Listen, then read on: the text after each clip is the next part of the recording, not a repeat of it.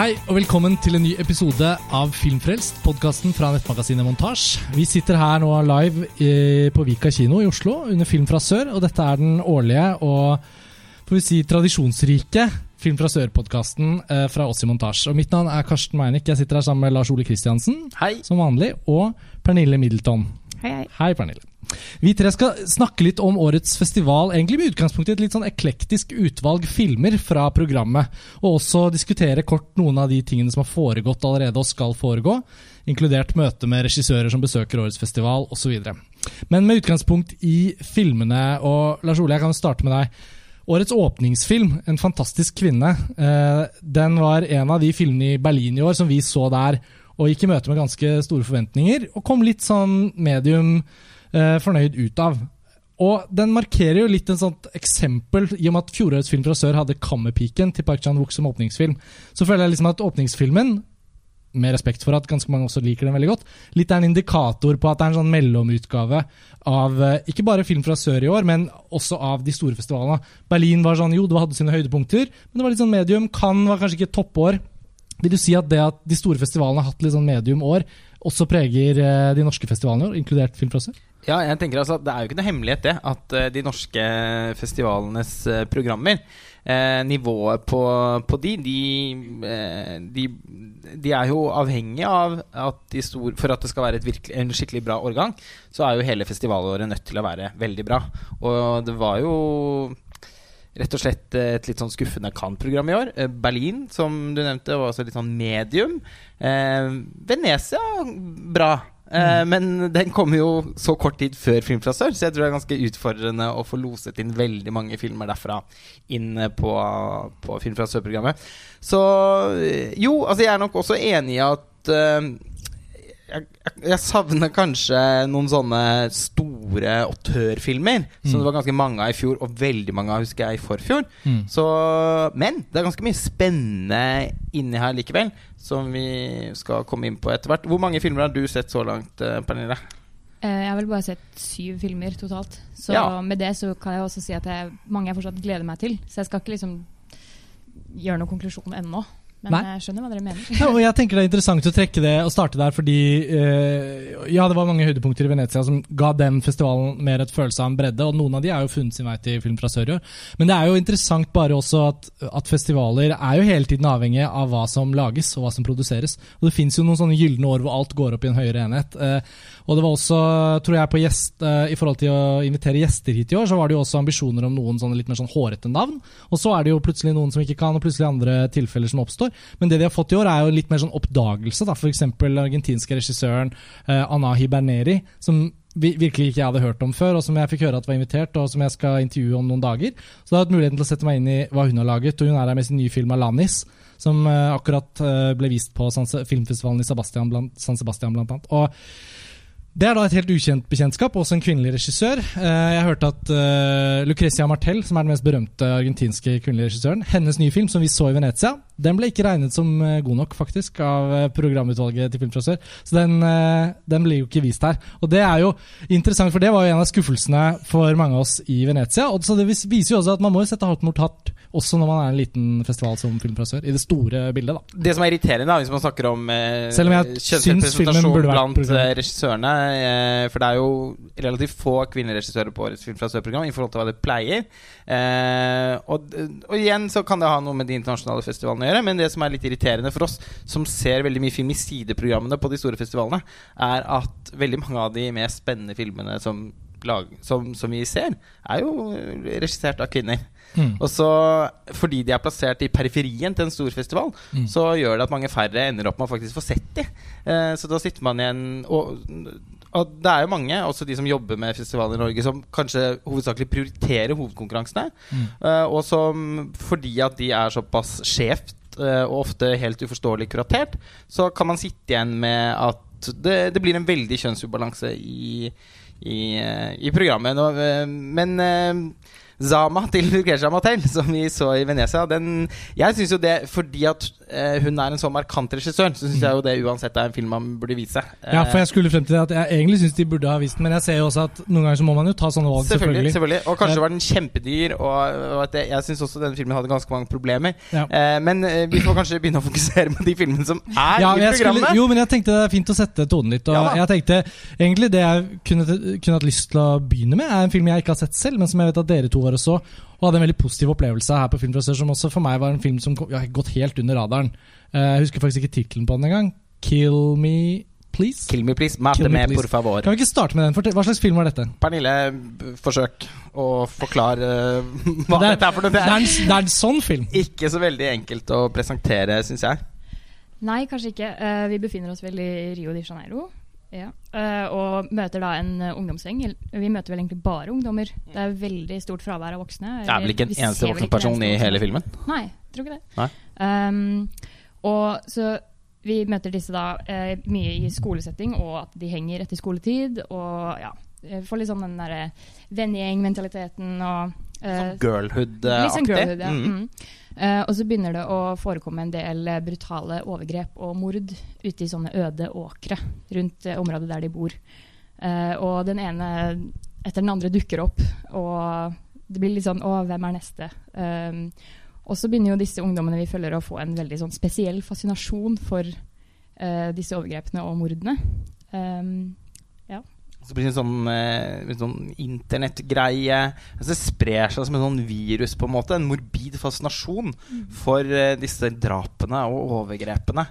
Jeg aner ikke hvorfor jeg plutselig tenkte på Nerve med Emma Roberts, men det gjorde jeg plutselig. Og så tenkte jeg på Der var det også veldig sånn ungdom Det var jo nesten utelukkende ungdommer i fokus, selv om det på en måte ikke var en spesifikk en sånn type film. da Hvordan, hvordan ser denne her ut rent estetisk? Har den et sånn glorete, fargerikt eh, uttrykk, eller er den mer sånn sosialrealistisk anlagt? Jeg syns jo ikke at den var så veldig pen estetisk, Nei, må jeg okay. innrømme. Eh, slet kanskje litt med noen av de av, i, av klippen, kanskje. Eh, overgangene og ja, generelt estetisk uttrykk. Jeg tror kanskje du var litt mer imponert der. Ja, jeg var, ble, var kjempefan av den filmen. da Jeg tenker det er absolutt beste jeg har sett fra årets film fra Sør-program. Så langt, i hvert fall.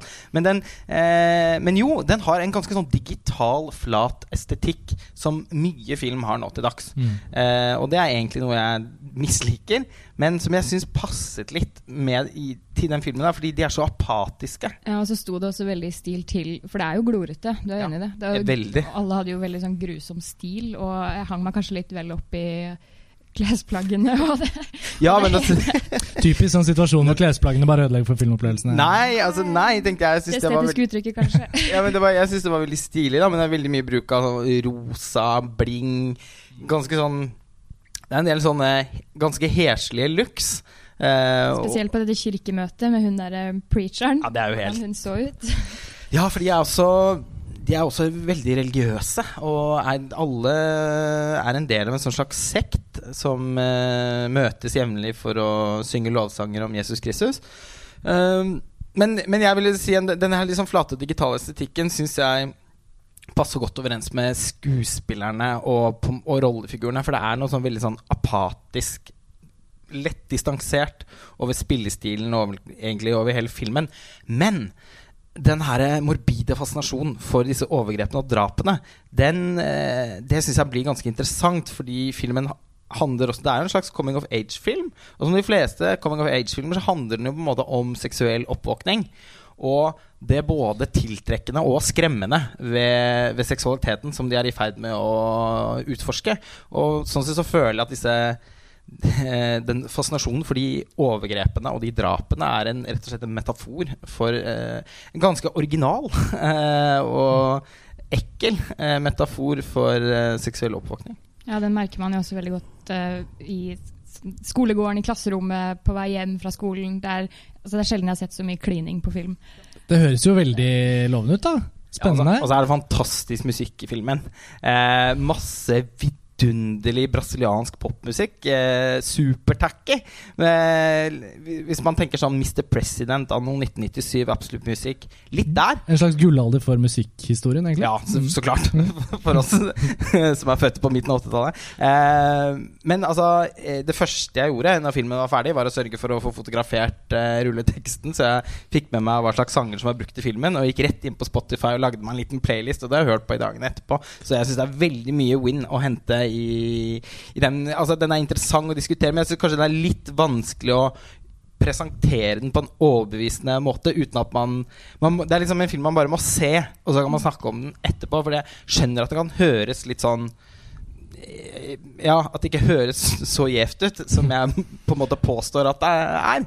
Men det er virkelig verdt å se, i hvert fall. Det er, vi, det er vi enige om. Ja, jeg er enig. Altså, du liker den jo åpenbart bedre enn meg. Jeg vet ikke om ja. du er enig med meg her, men jeg skulle jo også da ønske at den egentlig var hakket mer skummel.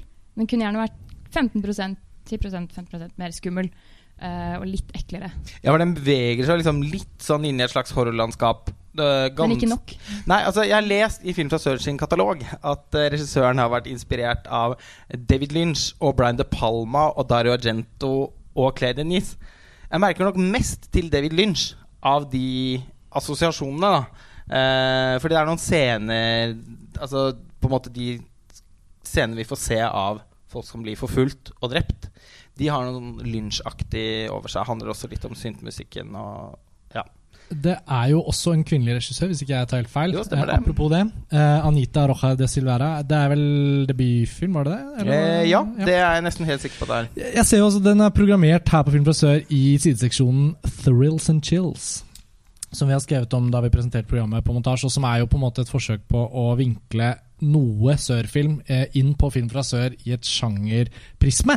Og det har jo ikke alltid vært Film fra sørs sterkeste side i forhold til sjangerfilmens eh, rariteter, og også ofte veldig høye kvalitet, da, bare så lenge man aksepterer sjangerpremisser. Jeg må jo da trekke inn en annen film på det programmet som jeg ikke er så begeistret for, men som jeg ser veldig godt verdien av å programmere, på sett og vis. Og det er den sørkoreanske actionfilmen The Villainess, som også skal gå på norske kinoer, eller går på norske kinoer straks. Som hadde sånn midnattpremiere i Cannes i år. Og den er for meg et eksempel på f.eks. sørkoreansk film som vi har eh, så stor glede av vanligvis, fordi det er så mange bra regissører der. Så når vi endelig ser noe derfra, så er det som regel en av disse autørene som man gleder seg til. En og annen oppdagelse også, selvfølgelig. Men uh, denne The Villainess var på en måte så langt unna kvalitetene som Bong Yon-ho og Park Chan-wook og sånn besitter. da, Hvor jeg føler de klarer å kombinere sånn ekstravagant uh, sjanger- og voldsorientert uttrykk med ofte veldig sånn ektefølt innhold og tematikk og historier som man virkelig kan bry seg om. Uh, The Villainess var på en måte 200% for mye Sør-Korea for min smak. Uh, og også, uh, hvordan er det mulig? Ja, nei, men, hvordan er det mulig? Jeg trodde, visste det ikke før sånn. Nei, men den er en sånn ekstrem sånn hypervoldelig film som har en sånn 12-14-15 minutter lang åpningssekvens hvor det er som førstepersons Uh, altså sånn dataspillperspektiv inn i en helt sånn sinnssyk voldsballett. Uh, men et av mine store problemer med moderne actionfilm, ikke bare fra Sør-Korea i dette tilfellet, men det er jo det at uh, symbiosen mellom hva man kan gjøre med CGI og stunts, parallelt med at ideene går bortenfor gravita gravitasjonens lover, gjør jo også at man sitter igjen med veldig mye sånn plastisk, ikke-troverdig film. Altså filmbilder. Og når det også er sånn hyper, hyper, hyper høy klipperytme på det, så mister jeg taket på hva det er jeg egentlig skal se på. Eh, jeg vet at man blir eldre for hvert år som går, og desto mer film man ser, så blir man mer klar over at det er noe man liker, og noe man ikke liker. Så kanskje er sånn førstepersons hyperkinetisk actionvoldsopera ikke helt min sjanger. Er det din sjanger, da, Pernille? For du har sett den, du òg? Ja, til vanlig så vil jeg jo si at det kanskje er det. Men jeg ble jo egentlig aller mest forvirra av den filmen her. Jeg sleit med å altså sånn, Litt etter halvveis ut i filmen så mista jeg grepet litt. Og slutta å henge med på hvem som var hvem, omtrent. Ja, for det er jo, Det er veldig dårlig fortalt. Eh, ja, sånn god gammeldags sånn, er liksom ganske svagt. Ja, narrativets ABC har han liksom kastet helt på bok. Men den er ikke eksperimentell heller. Jeg syns i hvert fall ikke at den oppleves som en film som byr på noe som man liksom ikke har sett før. Jeg vet ikke om du opplevde det sånn, men Og det hjelper liksom ikke til slutt at hun er så tøff som hun er heller. Hun vi på en måte skal heie på, da.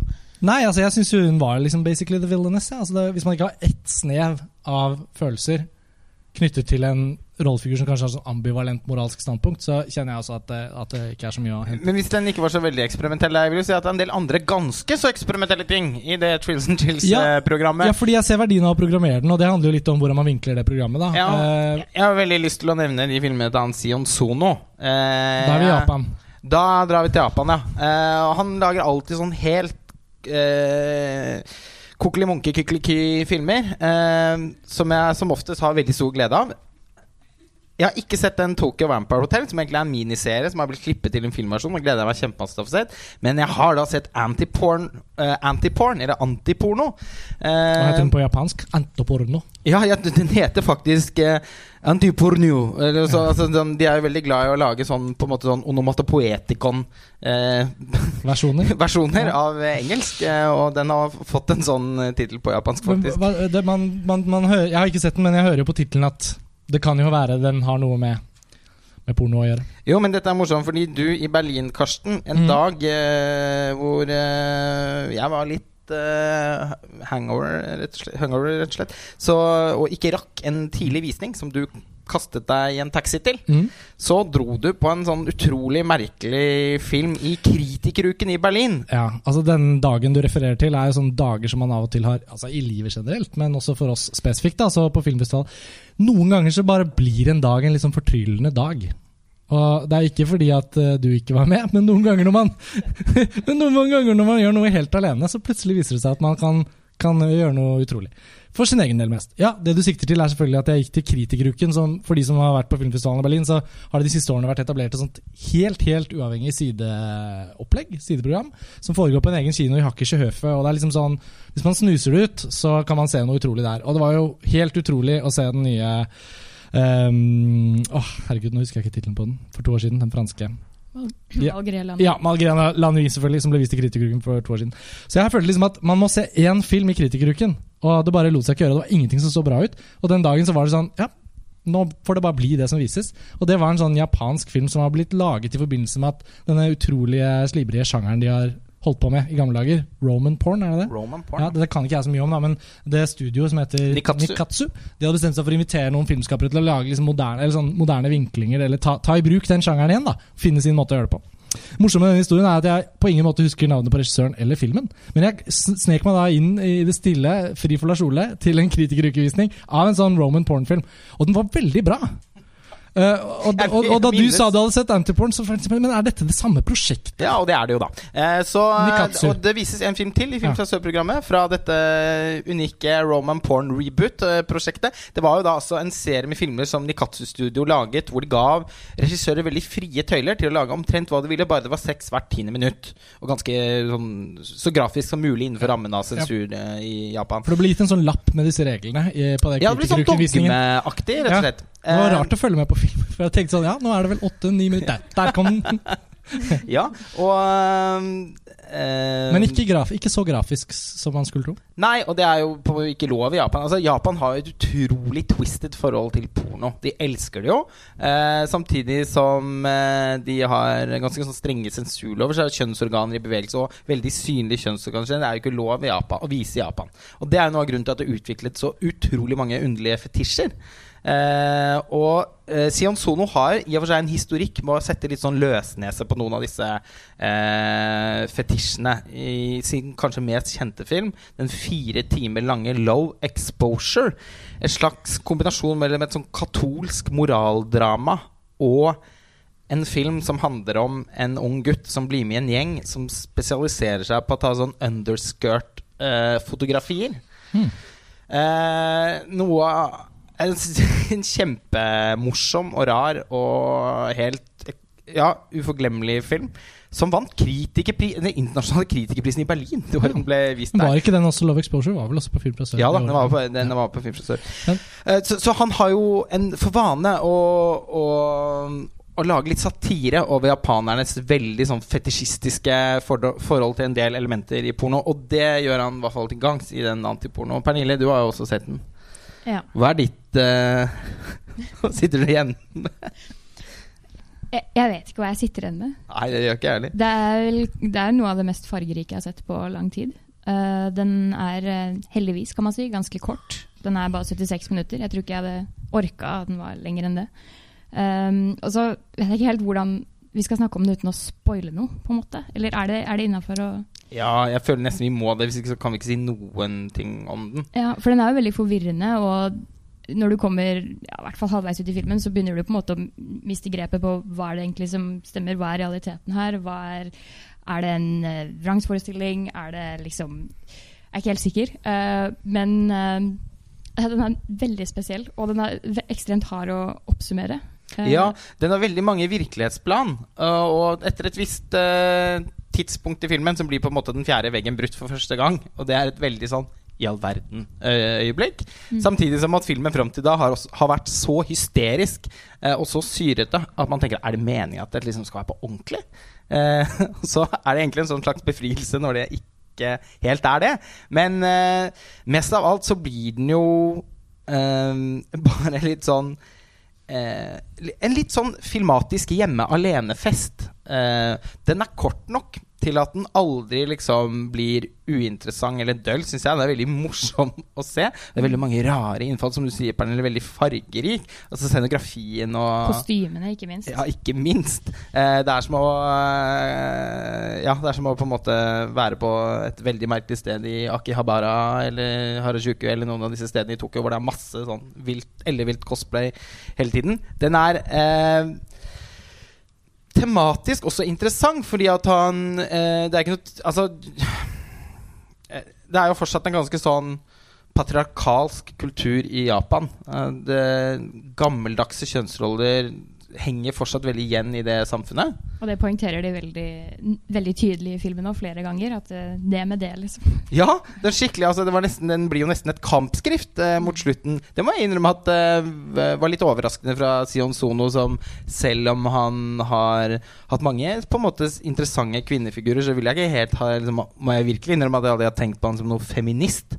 Men, eh, men denne filmen har liksom et eh, ganske sånn tydelig feministisk slagside, da.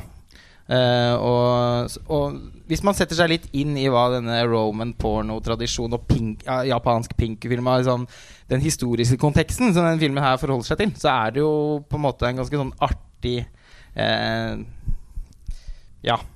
Den er kanskje ikke noe for den kulturelle skolesekken, på en måte da, høres det ut som. For det er jo mange programmerere fra DKS som kommer til Film fra sør for ja. å plukke film. Nei, det er nok ikke helt noe for dem.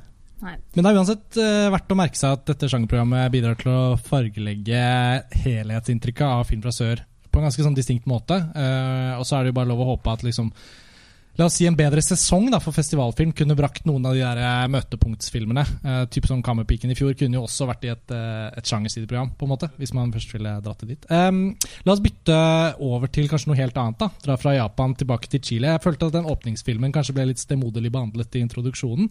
Uh, men det er verdt å snakke om en fantastisk kvinne, også fordi at den skal på kino i Norge første juledag. Eh, den var jo, bemerket seg jo i Berlin for veldig mange. Egentlig de fleste, bortsett fra, fra oss, føltes ut som Lars Ole.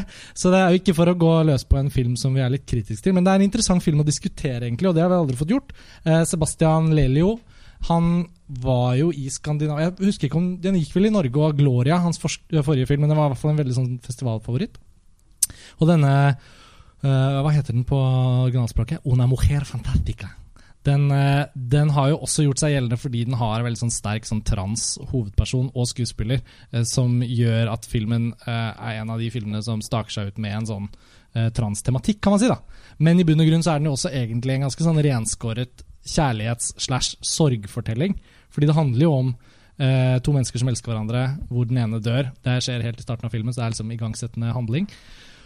Og vi egentlig blir vitne til hennes sorgeprosess, da, hovedpersonen. Men den har fått veldig mye skutt for, er jo skuespillet og, og estetikken, egentlig. Eh, men eh, for å starte så kunne jeg i hvert fall si, jeg vet at vi alle har sett filmen, eh, at det som kanskje er det mest overraskende med En fantastisk kvinne, er at den tilsynelatende har en ganske sånn tematisk knyttneve. At den ønsker å si noe om noe. Både gjennom hvordan filmen alltid presenteres i katalogtekster, plakat, trailer. Så føler jeg veldig at det er en litt sånn film som kanskje har en sånn ja, tematisk kraft. da. Men uh, da, da, vi hadde sett den, så husker jeg tenkte at det var en ganske sånn enkel, og nesten litt sånn banalt enkel film om noen som er veldig lei seg. Um, Ja, altså Men du har sett noe under Film fra sør, eh, Pernille. Ja, ja, ja, jeg så den nylig. Hva, hva, hva tenkte du? Um, jeg likte den vel egentlig ganske greit. Mm. Um, men jeg forstår poenget ditt med det at det kan bli litt enkelt. Fordi det er veldig enkelt å spille på det med fordommene og det blir liksom sånn Når de først begynner, så blir det litt sånn mer selvfølgelig at ballen skal rulle og rulle, rulle og så tar det ingen ende. Og til slutt så virker det nesten usannsynlig. Ja, for det, jeg, jeg sitter med presist samme inntrykk da. Ja. At jeg følte at jeg var ganske engasjert i den første delen av filmen, som nettopp Mm. er denne kjærlighetshistorien. Som er kjempenydelig, altså virkelig fint skildret. Ja. Og den sorgprosessen, som jeg syns var ordentlig vond. eh, ble Mm. veldig grepet av. Kjempebra spilt. Som bare blir til en sånn enorm dobbeltsorg. Fordi altså, man skulle tro det var hun får gjennomgå nok Mm. uh, i første tredjedel, f.eks. Uh, og men så bare tar det ingen ende. Og nei, det, det blir liksom sånn ekstremt lidelsesfortelling etter hvert. Eh, ja. Det er liksom akkurat det blir. Det går fra å være en veldig varsomt fortalt, nydelig kjærlighets- og eh, altså dypt trist sorgfortelling til å bli en lidelseshistorie. Og jeg syns den lidelseshistorien ble eh, For det første så syns jeg det var litt eh, unødvendig.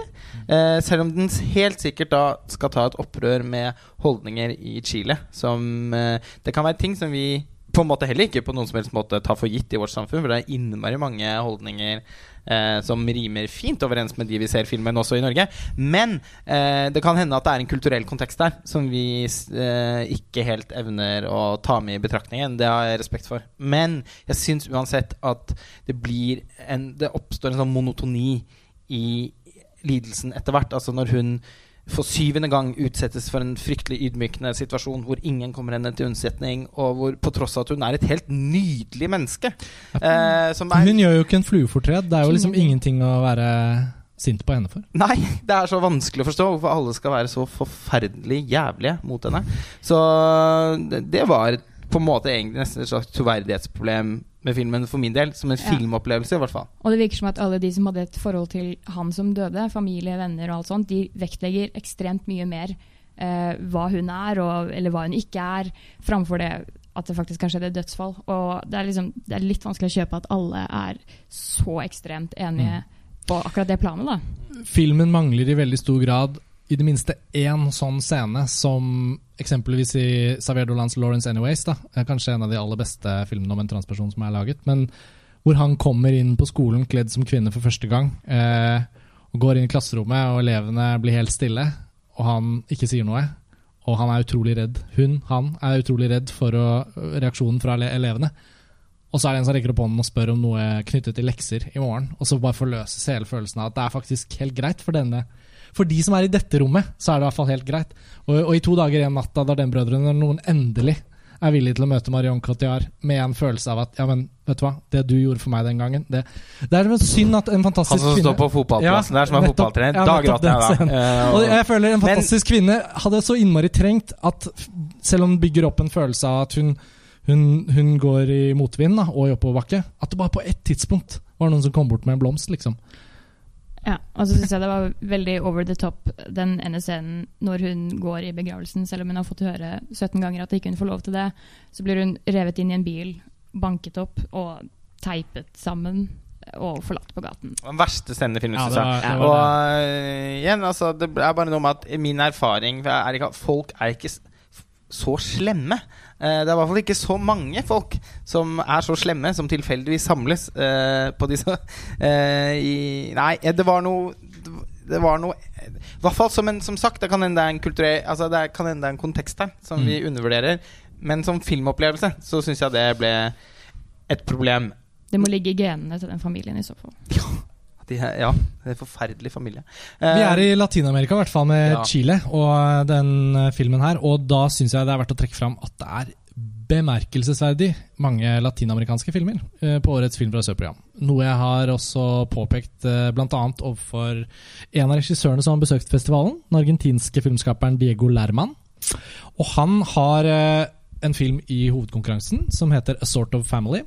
Og han har også da et retrospektiv, mini-retrospektiv, kan man si, da, eh, i en sånn Director Special Portrait-seksjon, hvor to av hans andre filmer blir vist.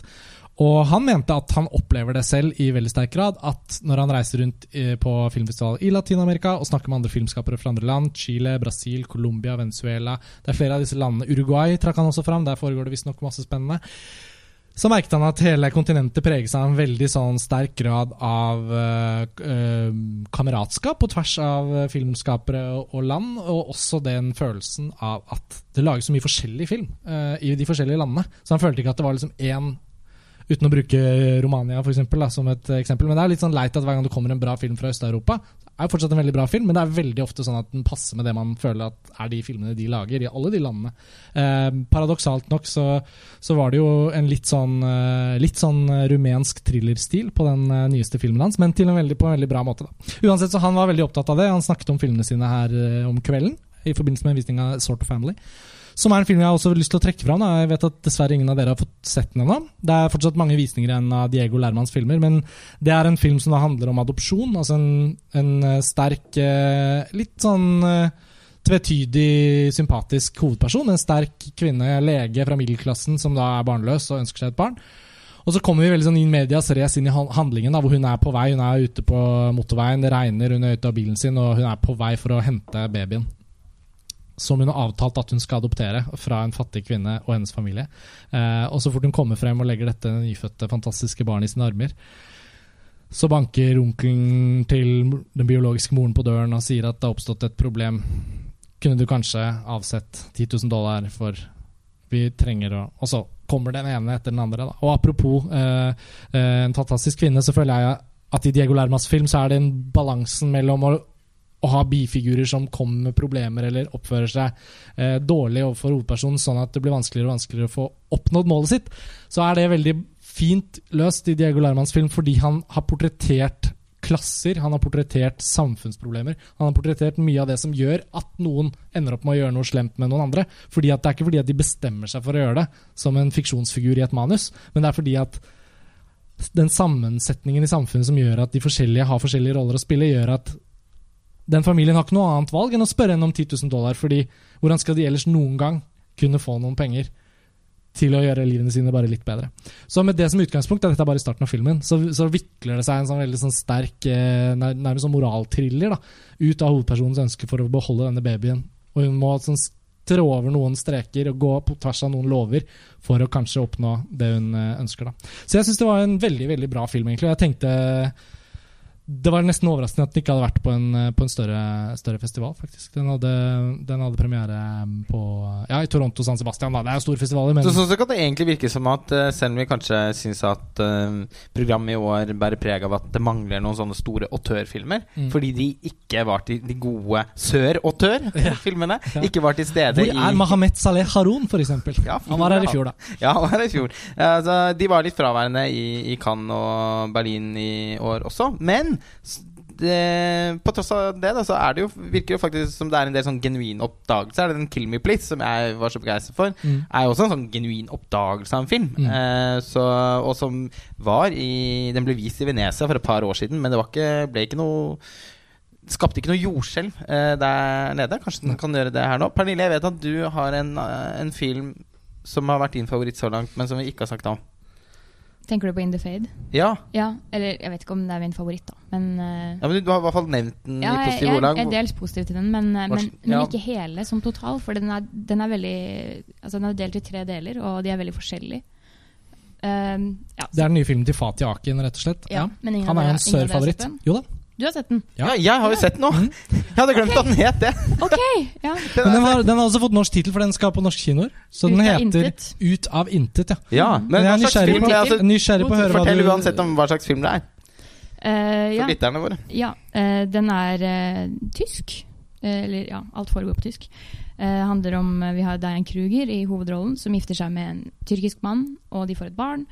Han har vært i fengsel, og nå er liksom livet på rett kjøl. Uh, han eier et reisebyrå i en gate i, i Tyskland, jeg husker ikke hvilken by det er.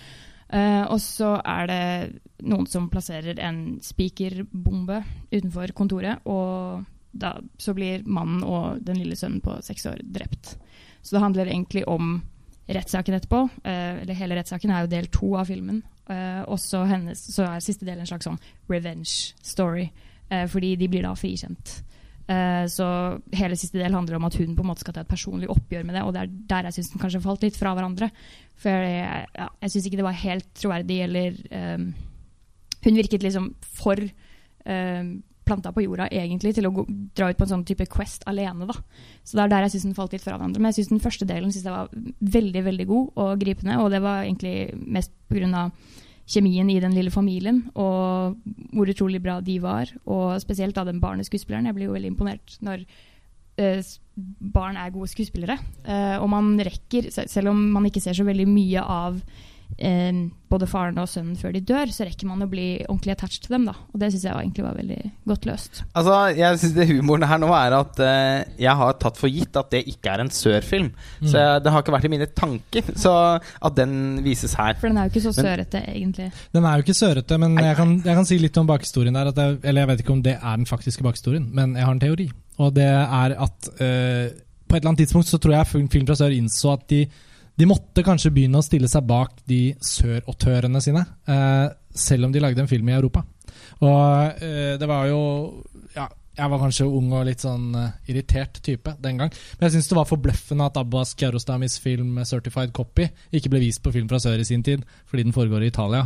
Når du har en, en filmskaper av så Uh, omfattende status, og som har vært på Film fra sør og vært æresgjest. Og han har en ny film, og så ble den ikke vist her. Det husker jeg tenkte dette var helt utrolig. Men så har jo de myknet opp på de reglene. Og, og, kanskje, ja, men altså, Et lite kanskje her, da, for jeg har ikke det, det er ikke sånn offisiell eh, beskjed. Men det kan virke som for det har vært sånn... det sånn... mer ålreit å se at Fatih Akin, som tross alt faktisk er tysk, da, men han er riktignok tysk-tyrkisk, og uh, han, har, han har laget mange filmer om nettopp forholdet mellom eh, Tyrkia da, og Europa, men på den måten også fortalt ganske mye om den broen mellom eh, sør og Europa. Eh, Selv om det ikke er tema i denne filmen? Nei, nettopp, men det føles i hvert fall relevant. Altså, jeg syns ikke det var så overraskende å se at den, at den, ble programmert men, men, det er interessant at du syns den siste delen ikke er den beste i filmen. For jeg følte det var da filmen liksom kicket inn og, og reddet seg selv litt. Da. For meg var det også en film som var Den er jo utrolig mange hakk bedre enn det Fatih har holdt på med de siste årene. Så jeg var veldig glad for filmen. Men jeg syns den midtdelen med rettssaken kanskje var den som var litt sånn Den dro seg nok litt for langt ut, mm. syns jeg. Uh, og jeg, jeg syns definitivt at den siste delen var mest spennende. Det var da jeg fikk liksom litt høyere puls, hvis jeg fikk det i det hele tatt. Uh, men, men jeg, jeg, jeg syns på en måte ikke altså, Nå er det fare for at jeg sier slutten, da, men jeg syns ikke hvordan de løste det. Hvordan det endte opp. Du kan jo ikke si hva det er, men du kan Nei, si at men jeg syns ja. ikke at uh, Jeg syns har veldig sånn skulle gjort et annet valg på konklusjon. slutt. Ja. Mm. Litt typisk. Mm. Den er ganske kort, så den er, altså, det er en veldig, altså, det er en veldig underholdende film å se. Mm. Eh, så sånn sett er den egentlig lett å Og, og Diane Kruger bra. Hun er, er vanvittig bra. bra. Mm. Eh, jeg er helt enig med deg, da, Pernille, at jeg syns også den første tredjedelen er klart best. Eh, Resten av filmen syns jeg egentlig er en litt sånn ukens TV-film. Eh, at den var liksom i hovedkonkurransen i Cannes og sånn, det syns jeg var litt sånn Da himlet jeg litt. Alle ble så glad for at Fatih Aken hadde laget noe ikke dårlig. Ja, altså etter Igjen. The Cut, da, som eh, Som ikke var i Cannes? Ja, som var en helt forferdelig film. Eh, Med et veldig berømmelig tema. Den handlet om det armenske folkemordet. Og det var liksom ikke måte på når Fatih Akin skulle gjøre sitt store, episke gjennombrudd på den store scenen, på det brede lerretet, så er det altså en kalkun uten like. Ja, den, det er kanskje den største kalkunen fra de siste ja, en av de, verste festivalfilmene fra de siste årene. Ja, uansett, uansett, Sånn sett, en opptur, ja. Men altså, hadde han liksom laget den på Netflix, og det var liksom Hei, den var, den var gøy å se. Men eh, jeg syns jo det er en eh, Jeg syns jo han på en måte fra å ha laget filmer som er så bra, som Mot veggen og den andre siden, så det er litt underlig hvor Fatih Akin har endt opp. Det er det er ikke en spesielt ambisiøs film. Det er vanvittig ujevn. Jeg syns også denne rettssaken var eh, skikkelig klein. Det var noe sånn nesten sånn fjernsynsteateraktig over måten det var filmet på og iscenesatt på. Det tenkte jeg altså veldig på, spesielt de der shotsene hvor du ser at hun sitter foran, og så er hun veldig close up, og så får du med deg personen som sitter bak. Altså Hele utsnittet var bare ekstremt merkelig. Og de slemme var utrolig slemme. Ja. Og, og Morske. De snakket sint på tysk. Men så var de nazister òg, da. Så sånn sett så passet det jo med noen filmhistoriske Jo, men det var noe et Trenger noen tyske nazister. Hei. Eh, alt var liksom skåret ut i papp uh, i den biten av filmen. Og så mot slutten igjen så blir den i og for seg ganske spennende, da. For jeg syns den lander utrolig bra på slutten. Jeg må innrømme at det var Utrolig bra. Jo, men, nei, men ok, sånn som jeg husker filmen nå, da. eh, Så ute av kamptåka og sånn, så tenker jeg tilbake og føler at den har en ganske På tross av sine konvensjonelle grep og litt uspennende visualitet, så har den noen ganske sånn modige valg da, på hvor den tar historien sin. Og, og jeg syns eh, Jeg syns de siste 10-15 minuttene var eh, ja, ganske sånn eksplosivt dramatiske. eh, på en måte som gjorde at jeg, jeg ble revet med av hvor filmen endte opp. da Mer enn at jeg satt igjen med den sure smaken fra, fra rettssalen, hvor de serverte litt sånn gammel Lipton-te, på en måte, uten sukker. Jeg er enig med deg på siste delen, akkurat med den biten hvor hun oppsøker det hotellet, og alt som skjer derfra, Mm. fra hun forlater hotellet. Uten å si for mye, men akkurat da var det veldig nervepirrende, faktisk. Den like spennende som en sånn middels Johan Falk-film. Uansett, en timeglassfigur uh, av en film. Eh, skrinnest på midten. Synes, Nå ser jeg, eh, ser jeg for meg Fatih Akin som et sånn timeglass. Veldig er på midten. Ok, ja. Nei, men ja, eh, vi, vi må bare av, helt avslutningsvis Jeg har lyst til å avslutte. Vi skal ha en uh, quiz her om japansk, japansk eh, film. Det blir spennende. Uh, men vi må nevne Kaniba, Det- som eh, eh, vi allerede har eh, snakket om på podkast før, men som vi så i Venezia. Pernille, altså hva slags uh, opp Ja, ble- Den så jo vi alle tre sammen i Venezia. Det var en litt annen opplevelse. Ja, jeg ble jo revet med inn på den visningen uten å vite noen ting. Og kom ut som en annen person, vil jeg tro. Og Det gjorde vel egentlig dere òg, for jeg følte altså Samtidig Ja. som du ser filmen, så er det nesten like interessant å følge med på hvem som sitter ved siden av deg og se. Og du led en del. Ja, ja. Superkort da, bare for de av lytterne våre som ikke har hørt på den episoden fra Venezia hvor Lars Ole og jeg ble det vel, som snakker om hvor utrolig mye bra dokumentarfilm som ble laget, og som ble vist i Venezia. Og eh, til da de som eventuelt sitter her på Vika kino og som ikke har sett filmen, så må det sies at Kanniba er en dokumentar. Men eh, etter det så er det litt vanskelig å begynne å si hva den er, fordi den er en veldig, veldig veldig spesiell film om et tema som man ikke tror man skal få komme så nært på som man får gjøre i den filmen. Bare så det er sagt da. Så Kanniba handler om en japansk kannibal. En ekte kannibal. Og filmen får det til å føles 200 mer ekte og mer nært enn du noen gang trodde du skulle komme. Så det er liksom sånn, det er det motsatte av følelsen av å se en litt bra dokumentar på, på Netflix. Nå kommer det noen mennesker ut av en film her på Vika kino, så jeg tenkte bare å si til dere som er her nå, at nå pågår det en live podcast-innspilling fra nettmagasinet Montage om årets film fra sørfilmer. Og vi er helt på slutten, og etterpå så kommer det til å være japansk filmquiz her. Men Kaniba, kannibalfilmen. Ok, Pernille, få høre. Hva er det som er så forferdelig grusomt med denne filmen?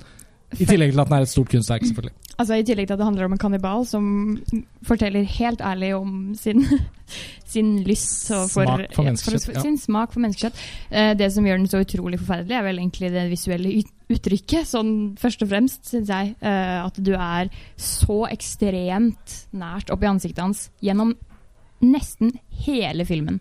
Nesten utelukkende. Du lever i porene hans, og mens han da skildrer veldig, veldig veldig detaljert det han har gjort. Som da er å myrde en gammel eh, klassekamerat, spise henne, og har da etter dette lagd en slags grafisk tegneserie eh, med veldig detaljerte bilder. Altså Man kommer like tett oppi ansiktet hans som en porsjon klerasil. Eh, Mm. Det må være oppi hudporene til denne kannibalen i en og en halv time. Eh, en forferdelig, på alle måter helt forferdelig opplevelse. Han eh, etter hvert som han blir mer og mer engasjert og opphisset og skal fortelle om dette drapet han har begått da han var student i Frankrike, men som han aldri ble dømt for, eh, hvor han spiste en jevnaldrende Nederlandsk student. nederlandsk student, en jente. Eh, det har han da laget ab verdens absolutt mest forstyrrende japanske manga eh, av. Eh, så- Veldig grundig òg. Veldig grundig, ja. Veldig bra tegninger, veldig gjennomført uh, håndverk. Men det, er noe med, men det er noe eh, med hvordan filmen vi ser på, også behandler dette. da. For aldri har det vel vært en lengre sekvens i en film hvor noen blar sakte gjennom en bok, og her da en tegneserie, og stille og rolig bare kommenterer og forklarer bildene. Den varer vel ti minutter, minst. Til og med lyden av at du blar, er ekkel. Ja. Altså, Det er det er som å gå inn i den absolutt uh, mørkeste grotten i den svarteste skauen i det verste landet. altså, det den filmen uh, går et sted som er så mørkt at den på en måte er veldig vanskelig å anbefale for veldig mange. Men er hvis ikke man for alle. Den er ikke for alle. Men, hvis, men jeg tror man kjenner sin besøkelsestid der. For hvis man er ute etter en filmopplevelse som virkelig er litt sånn på grensen av hva man kan tåle, Mm. og som igangsetter noen tankerekker som Som utfordrer deg, rett og slett. Yes, og som kanskje, er- eller kanskje, helt klart er veldig ubehagelige, men likevel interessante. Vil man ha en film å snakke om i timevis etter man har sett den eh, i løpet av festivalen, så er jo 'Kaniba' et slags førstevalg. Ja, for Den ble vist på Kunstnernes hus kino nå på lørdag, og montasjekollega Truls Foss kunne orientere om at han foreslo at den samtalen han skulle lede, kanskje skulle være etter filmen istedenfor før. For er det noe man trenger etter å ha sett Cannibal, så er det jo litt en sånn terapisession, så man får snakket ut om hva det er man har sett. Og, og selv om den er det fremste kunstverket på årets Film fra Sør-festival Jeg kan ikke se noe Jeg har ikke hørt om noe annet verk som vises som er like fremragende i sin sjanger som, som det Cannibal. Så er det likevel en film Jeg tenkte meg grundig gjennom, jeg fant ut at jeg er, er ingen jeg kjenner jeg kan anbefale den til. Det er det modigste valget som noensinne er programmert. Til Men det er ikke det at den er så festivalen. Og det blir ikke noe gjensyn! Det kan jeg fall varsle. Så, Ok, så vi er, får- vi er nødt til å Ja, runde av, faktisk. Ja, vi får lande der. Um, uh, årets Film fra sør er som sagt veldig eklektisk, og det er fortsatt mange festivaldager igjen. Og vi har masse igjen å oppdage Ja, det, i programmet. det gjenstår Det kommer masse garantert- omtale på montasje eh, som helt sikkert vil eh, løfte fram filmer som vi ikke har fått anledning til å se eh, så langt. Og det må nevnes at man kan fremdeles se Kaniba på søndag. Ja. Oh, Det måtte nevnes. grip den Ok, eh, Takk til dere som kom hit på Vika kino og hørte på oss. Takk Ja. til dere der hjemme og ute rundt om i det ganske land som hører på Filmfrelst. Vi er snart tilbake med en ny episode. Takk for denne gang, og ha det bra. Ha det bra. Ha det bra.